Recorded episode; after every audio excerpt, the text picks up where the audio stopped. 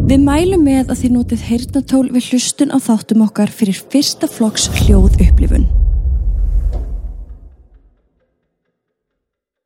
Komiði sæl, ég heiti Katrín Og ég heiti Steppi. og í dag ætlum við að segja ykkur draugasögu. Rúmlega 24 kílometrum frá miðbæ Philadelphia í bandaríkjónum satt gamall og yfirgifin geðspítali. Fyrir þær hugur okkur sálir sem hættu sér að honum byrjaði ferðarlægið á bílferð þar sem kyrt var eftir afskektum vegi. Skuggamynd spítalans reys upp úr þokunni og gnæfði þarna yfir á þessu einangrað landsvæði þar sem ekkert líf virtist vera. Þarna stóðan eins og vörður fortíðar í allri sinni dýrð, umkringdur víðáttumiklum skógi, rótnandi framhliðans sterk á móti náttúruöflunum sem enga miskun veitti. Málingin sem áður var fersk og lífleg er nú byrjuð að grotna. Gluggarnir brotnir, sprungur og veðraðir músteinar standa sem vittnisspurður um liðin tíma. Kvísl og fótatök fortíðar bergmála í tómum sölum byggingarinnar. Skuggar dansa á mikluðu veggfóðri og lykt dauðans ásækir hvert herbergi sem vekur upp óróleika tilfinningu og ógleði. Kondu með okkur í ferðalag til fortíðar þar sem við afhjúpum leindarmál gamla spítalans sem fjöldi fólks reyndi ítrekkað að halda undir yfirborðinu. Orð fóru nefnilega að berast á melli manna, kvísl um illa meðferð og vannrækslu, skýrslur um vafasamra venjur og tilraunastarfsemi og ekki lauk því þó að dyrunum væri skellt í lás. Draugalegar þjóðsögur skutu þá upp kollinum sem halda áfram að heitla og hræða þá kjarkmiklu sem þóra að spyrja. Leifð okkur að segja þér söguna frá byrjun. Veri velkomin á Bæberi geðspítalan.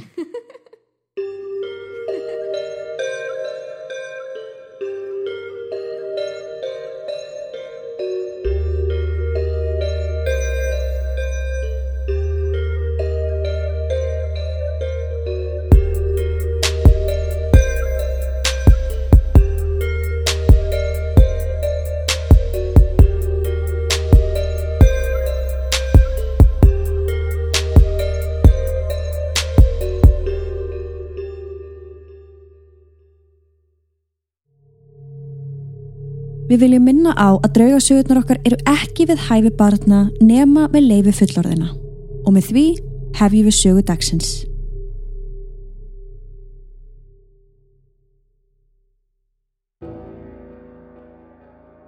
Það er sorglegt að segja frá því en það er búið að rífa þennan gamla geðspítala þannig að við getum ekki heimsóttan. Það eru pínum vonbreiði, en ok.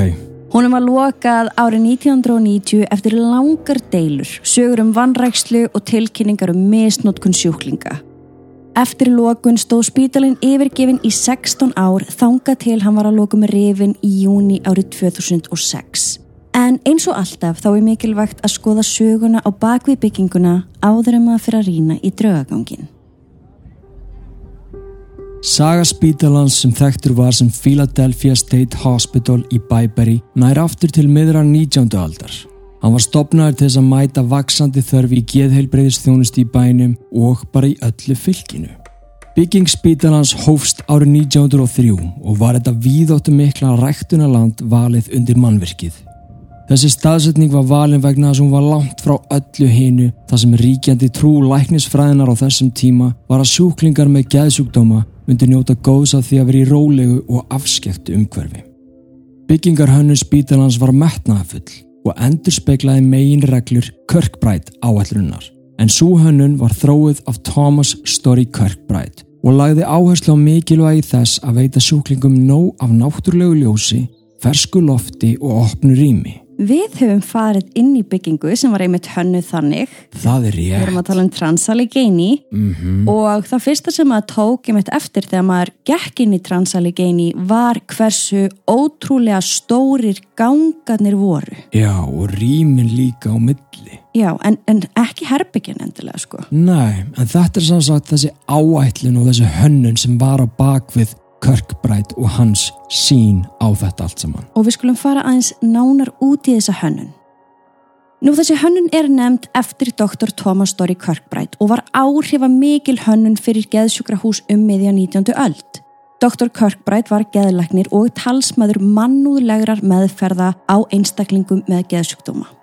Hann var fullvisum að arkitektúr og umhverfi gætu gengt mikilvægu hlutverki í meðferð og bata sjúklinga. Og maður spyrir sig hvort að Kirkbride byggingarnar séu með eitthvað svona orðspor á sér að vera svolítið draugalegur. Já, þegar þú segir það sko. Helstu meginreglu Kirkbride áætluninnar voru eftirfarandi. Númer eitt. Áhersla var lögð á siðferðislega meðferð en þessi hugmyndafræði var að koma ætti fram við sjúklingana af virðingu, reist og góðvild frekar hann að beita harkalegum aðferðum eða hömlun. Já, bara flott. Númið tvö, hönnun spítalans byggist á miðlæri byggingu með vangjum sittkvorum megin sem tegði sig út pínusun í læginu eins og fyririldi. Þetta skipula gerði ráð fyrir aðskildum vangjum fyrir mismunandi sjúklinga svo sem karla og konur eða mismunandi veikindi. Númer þrjú. Náttúrulegt ljós og ferst loft. Hönnunin innihjalt stóra glukka og opið rými til þess að tryggja það að sjúklingar hefðu aðgang að náttúrulegu ljósi og fersku lofti. Körkbrætt taldi að útsetning fyrir náttúrunni og sólaljósi gæti haft lækningalegan ávinning fyrir geðhilsuna. Númer fjögur. Tenging við náttúruna. Kirkbride sjúgrásin voru oft staðsett í kirlátum dreifbílum til þess að veita sjúklingum friðsalt og róandi umhverfi. Markmiði var að fjarlæga sjúklingana úr streitu borgarlífsins og leifa þeim að tengjast náttúruna og Ég held að það sé bara gott fyrir alla. Já, hvað sem þú ert sjúklingur eða ekki. Númer 5. Personuvernd og þægindi sjúklinga. Þetta skipulag gerði ráð fyrir enga herbergjum fyrir hvert sjúkling og þægilegum sameilegum rýmum. Þannig að sjúklingar fengu sitt eigið herbergi öfugt við fjölmennar deildir til þess að sjúklingurinn fengi ró og næði. Númer 6. Jörðin í kringum spítalan var vandlega mótuð með görðum, göngustígum og afþreyingasvæðum. Sjúklingar voru kvartir til þess að eigða tíma utandira og taka þátt í atöpnum eins og garðvinnu og göngutúrum. Númer 7. Aðskilnaður sjúklinga. Þá komum við aftur af vangjónum sem voru hannar til þess að aðskilja sjúklinga út frá ástandi þeirra og virkni. Þessi aðskilnaður hafði það að markmiði að koma í veg fyrir útbreyslu veikinda og skapa umhverfi sem hæfir personulegri umönnun. Við erum líka að tala um bara mismunandi sjúkdóma, ekkit endilega geðsjúkdóma, heldur bara veikindi Já, já. Og, og ég menna þetta hús ásamt öllum öðrum í bandaríkjunum og við þeim heim var líka lagt undir sem berklaspítali á einhverju tíma eða ákveðna deildir. Þannig að það var alveg víst að þurfti að, já, svolítið svona skorða þær af. En þetta hljómar allt rosalega vel, ekki satt? Mm -hmm. Þetta er næstu því að selja það að mig langi bara að fara þánga. Einmitt. Bara eina viku. Já. Kirkbride hönnunin og áallunin var almennt samþykkt um bataríkin og svona voru gæðsjúkrahús byggð og hönnuð á 19. öld og snemma á 20. öldinni og áttu þau stóran þátt í að móta geð heilbreyðist þjónustuna á þessum tíma og endur spekluð framsækin sjóna með samtímas varðandi meðferð geðsjúkdóma. Hins vegar, þegar að framfarir í geðlækningum og skilningur á geð heilbreyði þróaðist, þá fjalli þetta svo litið um sjálft sig og mörgum af þessum stofnunum var lokað. Þær endur nýjaðar eða skipt út. En í dag eru alveg nokkur Kirkbride sjúkrahús talin vera söguleg kennileiti og þau varðveita einstaka kabla í sögu geð heilbreyðismeðferðar. og mögulega draugasögum. Bæberi gæðsjúkrahúsið opnaði dyr sína fyrir sjúklingum þann 11. júni árið 1907. En því miður hafa engar skrár varðveist svo við vitum ekki hverjir fyrstu sjúklingarnir voru eða hversu margir. Af hverju gerist þetta svona oft? Mér finnst þetta samt ekkert gerast allt of oft eins og í Transalegeni það var geggja þegar við fórum í innan leðsögutúr og það var hægt að segja bara þessi kona, hún var fyrst. Emmitt, þetta er svo awesome Já, að hafa svona veit það. En svo er ofta eins og bara flóð sem að skemmir einhverjar skrár sem eru geimdar einhver staðar allt annar staðar í einhverju bæjar, bókar, samfélagi. Það er alltaf eitthvað flóð. alltaf eitthvað flóð. En við vitum, eins og með flest öll þessi sjúkrahús, að þá fjölgaði hratt inn í byggingunni og til þess að koma til móts við þennan fjölda var bætt við litlum skúrum til þess að koma öllum fyrir. Einstaklingsherbergi voru úr sögunni, þrátt fyrir körkbrætt áætlununa og þegar mest var hýsti sjúkrahúsið þúsundur sjúklinga og þó að það væri auðvitað mikið af starfsfólki, þá var það samt ekki nóg. Nei. Og eins og við höfum oft talað um í öðrum sögum um sveipaða stopnarnir. Mikið af þessu starfsfólki var ekki eins og hæft til þess að sinna þessum sjúklingum. Þannig að þegar þau gátt ekki lengur fengið lækna og hjúgrunafræðinga þá var bara auðlist eftir venjulegu fólki út í bæ. Bara svo einhver geti unnið þarna. Já, já, og þetta er samt alveg að gerast ennþá í dag, sko. Hugsa sér. Það vantar alltaf gott fólk og... Já, þetta minnir mig á það sem hjúgrunafræðingu sagði einhvern tíma við mig. Það hefur alltaf verið vöndun á hjúgrunafræðingum. Mm -hmm. Alltaf og mun alltaf verða.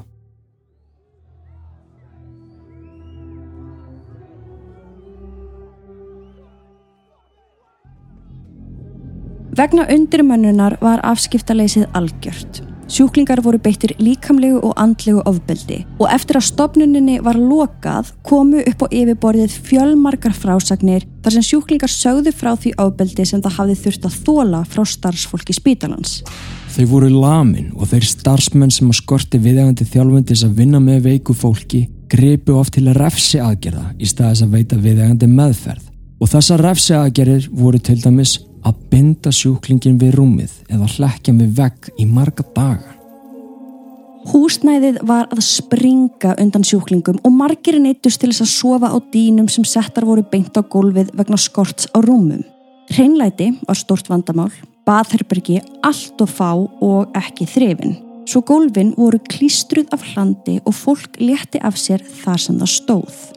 Grunn þörfum sjúklinga var ekki sendt eins og personlegt hreinlæti og næring Vannæring var algengt vandamál vegna vanhæfni spítalans til að útvega öllum sjúklingum fullnægandi og næringaríka mat. Það var skortur á læknisjálp og lefjum sem gerði sjúklingum erfitt fyrir. Allt og fáir starfsmenn voru til þess að sinna þörfum allra. Sjúklingar hafðu engin réttindi til engalífs, verðingar, hvað þá sjálfstæðis. Og ég rakst á eitt mál frá árinu 1980 þar sem að fyrfirandi sjúklingur að nafni William Kirsch Hann fór með mál sitt til domstóla en hann hafði verið inn á þessari stofnun og hann var hlekkjaður við rúm í 14 mánuði. Í 14 mánuði? Já. Þannig að hann fer með máli sitt og þessa vannrækslu og ofbeldi fyrir domstóla. Já. Vann hann málið? Já. Ó, guðsilof.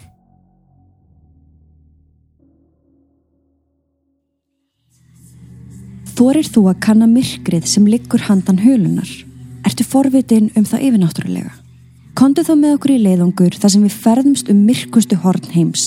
Hver þáttur mun flytja þig inn í aðra vitt þar sem heimur okkar lifandi mætir heimi hinn að látnu.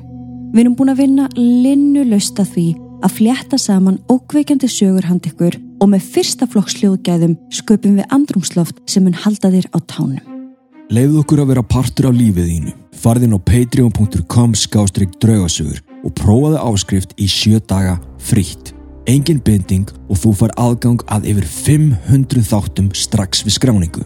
Eftir þessa sjö daga getur þú valið hvaða áskriftarleið hendar þér. Viltu fá eina draugasög í mánuði eða tvær í hver einustu viku? Þitt er valið. Eftir að þú ert komin í áskrift getur þú hlusta á þættun okkar þar sem þú vilt. Þú getur tengt áskriftina þína við Apple Podcast, Spotify og fleiri veitur og fengið alla nýja þætti beint þangað inn. En núna skulum við halda áfram með söguna. Það er einnig talað um að sjúklingar hafi átt auðvelt með að yfirgefa stofnununa og að fólk í nágreininu hafi stundum vaknað upp á morgnana og séð þá sjúklinga sofandi í sófum eða auka rúmum.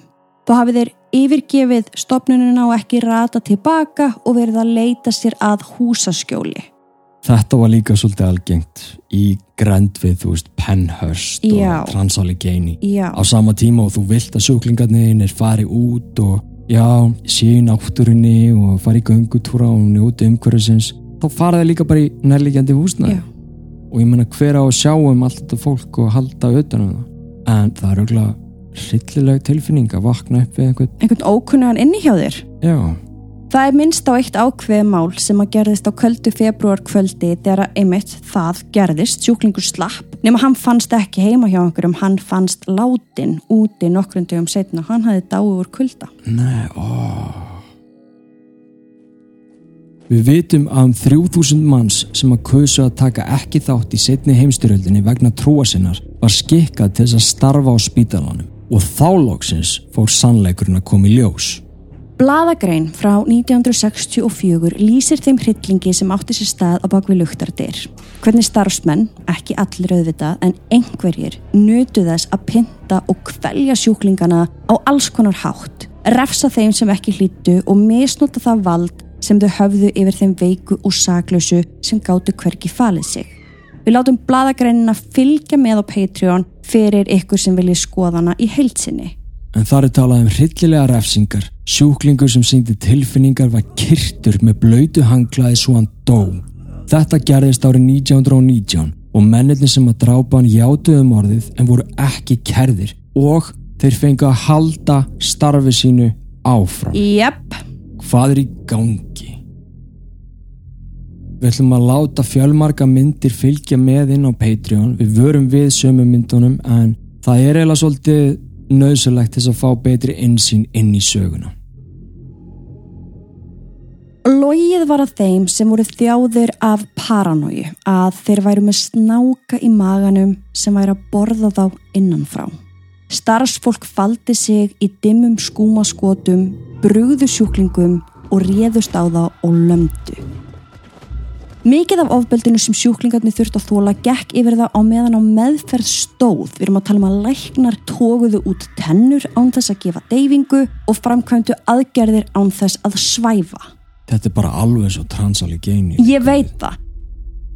Larry Reel, geðlæknir sem var í stuttri þjálfun á spítalunum á áttunda áratögnum, myndist á starfsmann sem að var að reyna að sauma sjúkling saman mm. án verkjarlefja en þá hafði þeim starfsmanni verið kent að fólk með geðklofa fyndi ekki fyrir sásauka svo þetta væri allt í lægi Hæ? Já, það bara vantaði í fólk með geðklofa að finna fyrir sásauka þannig að það þurfti ekki að gefa neinum verkjarlef Hvað er í gangi? Ég veit það ekki og þó að verkjarlef væru ekki notuð mikið þarna inni þá voru önnurlif notuð í allt og miklu magni Þar á meðal lifið Þorasæn en við hefum fjallað um það áður Samkvæmt okkar skilningi þá er hér um að ræða geðdegðarlif en málið er að þarna þá var það nýtt á markaði nema livjaframlegendunir mm -hmm. voru í samstarfi við lækna spítalans svo saman voru þeir að gera alls konar tilraunir með lifið inn á stopnuninni. Já, án þess að fjölskyldumæðlumir viðkomandi sjúklings vissu og við erum að tala um að fullta fólki dó í þessari tilrunastarðsemi. Já, það var í rauninni bara verið að nota þau sem svona tilruna dyr. Já, bara hvað gerist ef við gefum þeim svona mikið? Það er nóga fólki að þinni, nóga fólki með alls konar gæðsúkdama, hendum bara svona pillum og sjáum hvað gerist. Bara, já. Þessi mistyrming kom í ljós hægt og rólega gegnum árin, en frá 1940 og 1950 vissu flestir að því sem var að gerast inn á þessari stopnun og það var ímislegt sem spilaði þar inn í. Rannsóknar blaðamennsk og vittnisspörðu þeirra sem að komist þarna út levandi. Lauruglan hóf síðan rannsókn og þá kom sannleikurinn í ljós. Þetta var raunverulega helviti á jörði. En samt helt ofbeldið áfram.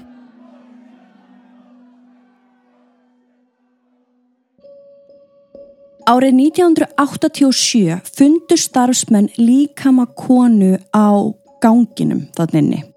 Hún hafði verið látin í einhver tíma og í kringum hana var veikt fólk að reyna að rýfa úr henni tennutnar. Henni hafði verið nöðgað og síðan drepin í kjálfarið. Tveimur árum síðar fundust tveir aðrir sjúklingar látnir í kringum bygginguna. Þau fundust þegar að gardirkjumadur var að reyta arfan á svæðinu og það var vist mikið talað um það að já, fólk virtist það mikið bara hverfa þarna án þess að leitað væri að þeim. Guð má vita hversu lengi þessir aðilar voru búin að liggja þarna út í beðinu mm -hmm. látnir. Já, maður veit ekki hvort að skorti einfallega bara starfsfólk það var það náttúrulega. Já, halda þeim ekki inni þannig að þeir bara rötuð út og dói. Já. Rítöfundurinn Albert Douts skrifaði bóksinni árið 1948 eftir að hann hafið heimsótt spítalan að það væri hægt að líka þessu við fangabúðir nazistana. Þetta fór í blöðin og allar fréttir Svo það var ekkert annað í stöðunni en að loka spítalanum árið 1990 þó að fyrr hefði verið. En þó að starfseminni hafi verið hægt og húsinu hafi verið lokað þá voru ennþarna inni særiðar sálir sem illa hafi verið farið með. Sálir sem voru ekki tilbúnar að sleppa tökum. mögulega að leita eftir hemd eða kannski ekki einu sinni vitað að þær væri ekki lengur lifandi. Hulan á milli þess að tvekja heima er þunn á þessu svæði og líklegast hefur ofbeldi sem þarna viðgjagst laðað að sér eitthvað dekra. Mér finnst alveg líklegt að þegar að það var starfsemi þarna í húsinu, allt þetta ofbeldi sem var að gerast, allur þessi viðbjóður, hægt og rólega að þá var hulan þinnri. Skilur, hún tætist til og verði þinnri og þinnri og það kemur eitthvað vond í gegn. Ég er alveg 100% sammálaðir einhverja svarta verur sem að voru að hafa áhrif á daglegt líðarna þannig að það er í rauninni ekkert skrítið að þarna gangi fólk aftur. Nei og ég held að sé alveg 100% rétt að því það sem svona illir og vondir atbyrðir eiga sér stað þar sógast þið illa að og það verður bara meira og dekra og verra. Ég veit það og fólk sem á kannski erfitt með að kaupa þetta. Mhm. þú veist, ímyndaði þið bara að vera inn í stofu með makaðínum sem er í óksla vondu skapi. Mm þú á endanum ferði í vond skap skilur Já. þú finnur alveg að, að, að makiðin er í vondu skapi og þú ferði í vond skap líka. Þetta smitar út frá sér. Akkurát þessar orkur smita út frá sér þannig að þetta er ekkert svo Nei, fjarlægu einmitt. kent sko. Líka bara eins og þegar maður gengur inn í herbergi eða húsnæði, þú finnur wow, býtu, hér er einhver slæm orka Já. það er eitthvað í gangi Mhm. þetta sem er ekki gott. Og ef þú margfaldar það bara þúsund. Akkurat. Og þúsund og yfir svona langan tíma að sjálfsögðu þá myndast þarna svolítið op. Fólk sem laumaði sér inn í gamla spítalan eftir lokun talar um að andrumslofti þar inni hafi verið hryllilegt, þungt og óþægilegt. Öskur ekkóðu í mannlusum herbergjum, skuggaverur sáust utanfrá í gegnum glugga, fótatök, böng, hlátur og grátur. Það var eins og spítalanum hafi bara aldrei verið lokað meða við hljóðin sem þarna heyrðust og sínir sem sáust. En samt var engin þarna, allavega engin lifandi. Draugasögurnar í kringum spítalan eru margar.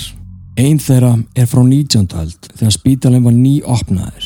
Það er áhugavert að heyra svona gamla drauga þjóðsögu sem hefur byrjað að ganga milli manna löngu áður en spítalinn var yfirgefin sem fær mann til þess að hugsa hvort að starfsfólkið hafi ávalt verið að upplifa einhvern draugagang þann inni. Nú sagan hljómar þannig að ung kona var lögðin á spítalan. Hún hitt Emily og þrátt fyrir að hún ætti erfitt andlega og var að díla við flókna geðsjúkdóma á þeim tíma að minnstakosti, þá var hún óskup góð og vingjarleg við alla. Hún hafði mjög gaman að því að teikna og bjóð þar yfir miklum hæfileikum.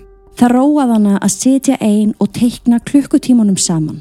Síðan byrjaði hún að mála og áður en langt um leið var herbyggið hennar fullt af persónulegum listaverkum sem gáfu starfsmönnum insinn inn í hugar heimstúlkunar.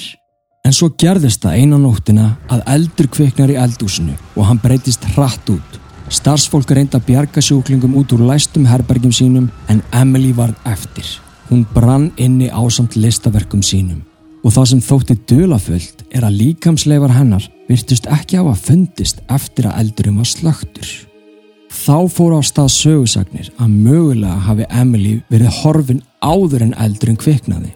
Hugsanlega numin á brott af einhverjum í guð má vita hvaða tilgangi. Talið er að Andi Emily hafi aldrei yfirgifið spítalan vegna þess að döðsfall hennar er ennþá ráðgáta sem enginn hefur leist.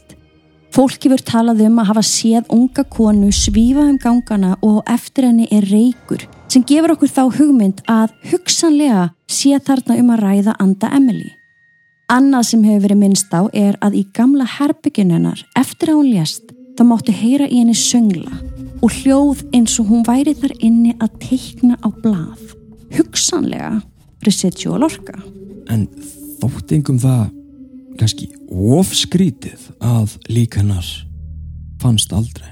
Jú, pottit, ég held bara að hún hafi ekkert verið svo eina. Já, þessu margir Ég bara. get alveg ímyndað mér það ef það kemur upp eldur. Já, Þú veist, þeir eru örgulega ekkert að spá allt of mikið í... í talningu á öllum. Nei. Nei.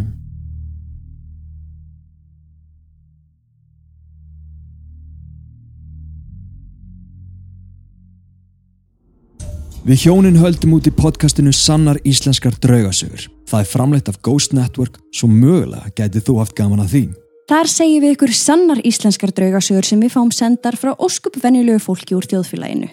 En allt þetta fólk áða þó sameigilegt að hafa lent í einhverju yfirnáttúrulegu. Þættirnir eru settið þannig upp að við segjum ykkur sögurnar í fyrstu personu eins og þær eru skrifaðar og síðan tökum við spjall eftir hverja á eina þar sem við greinum söguna, segjum okkar álit og gefum ráð sé óskað eftir því. Þetta eru alvöru íslenskar draugasögur sem eru alls ekki fyrir viðkvama. Þú finnur 24 fría þætti á öllum hlaðarsveitum og fyrir þá sem að þóra og hafa áhuga á, þá bjóðum við upp á áskriftarleið á patreon.com skástrygg sannar íslenskar. Ef þú átt sögu sem þú vilt deila með okkur, endilega senda okkur hana á sannar.draugasögur.com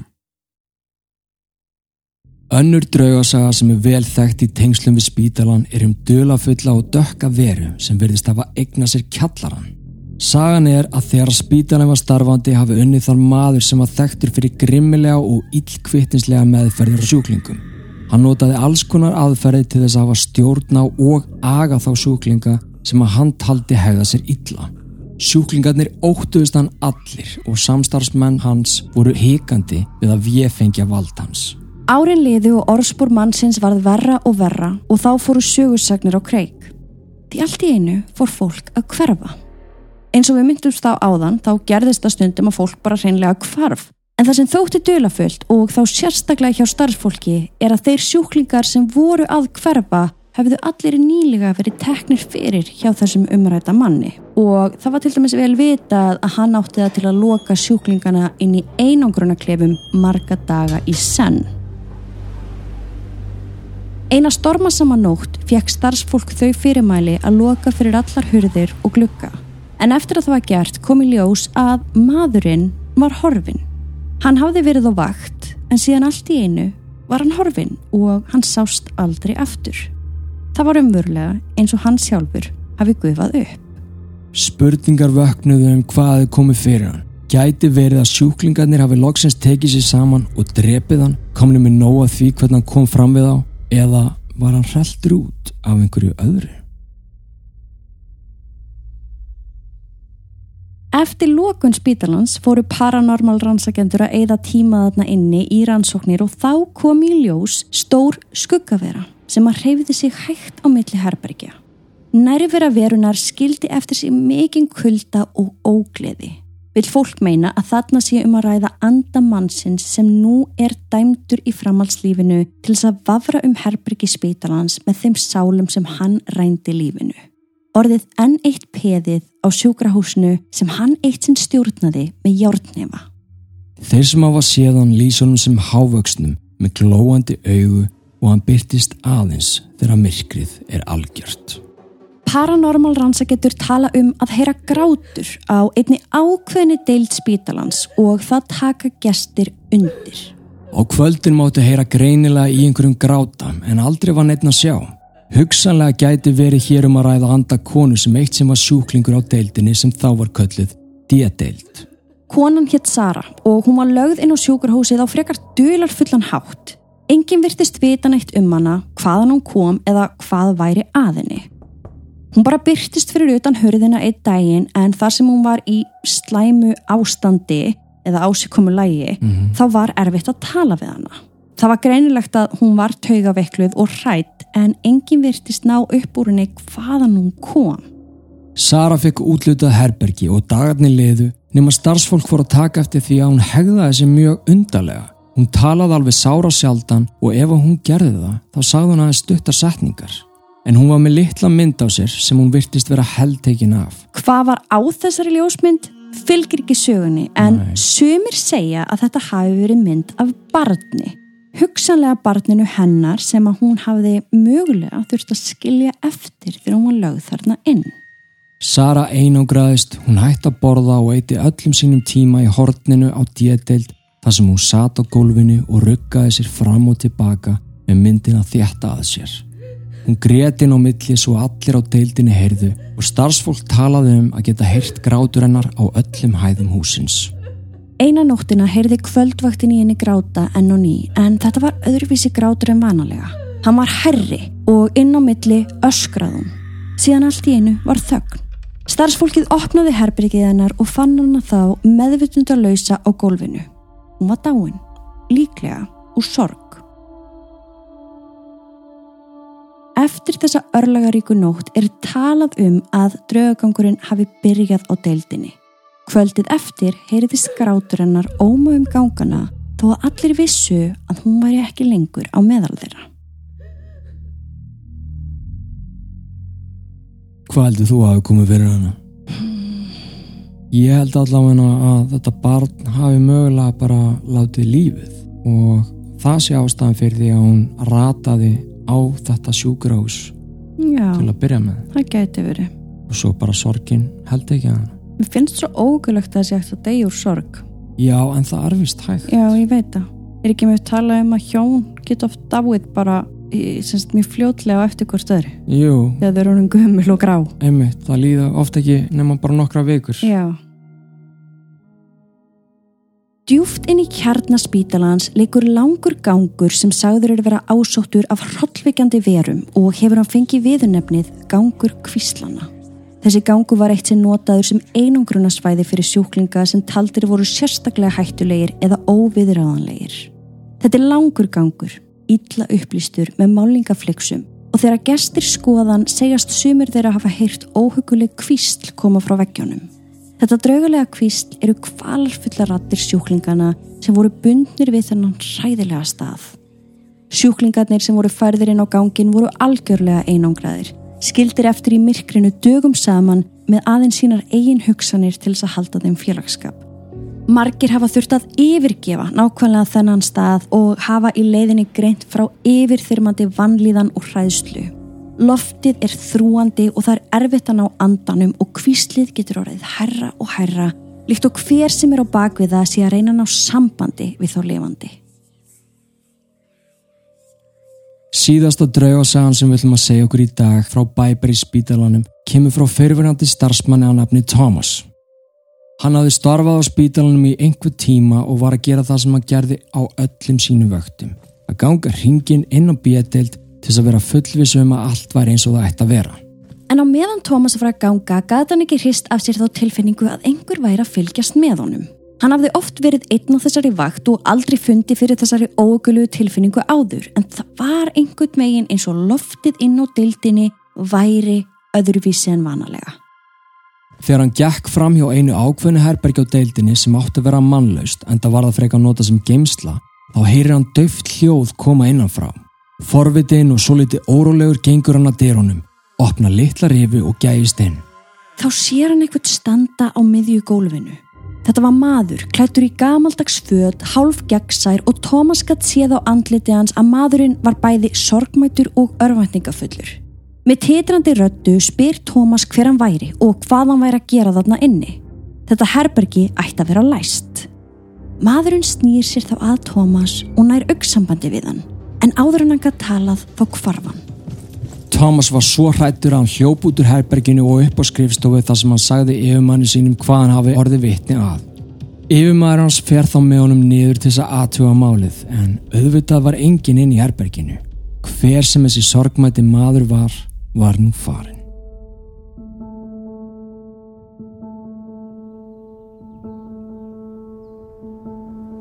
Eftir að spítalinn hafði staðið auður í 16 ár þá var það nokkuð augljóst að þarna var um að ræða arfleið sorgar og vannrækslu sem ekki var hægt að eyða úr sögunni.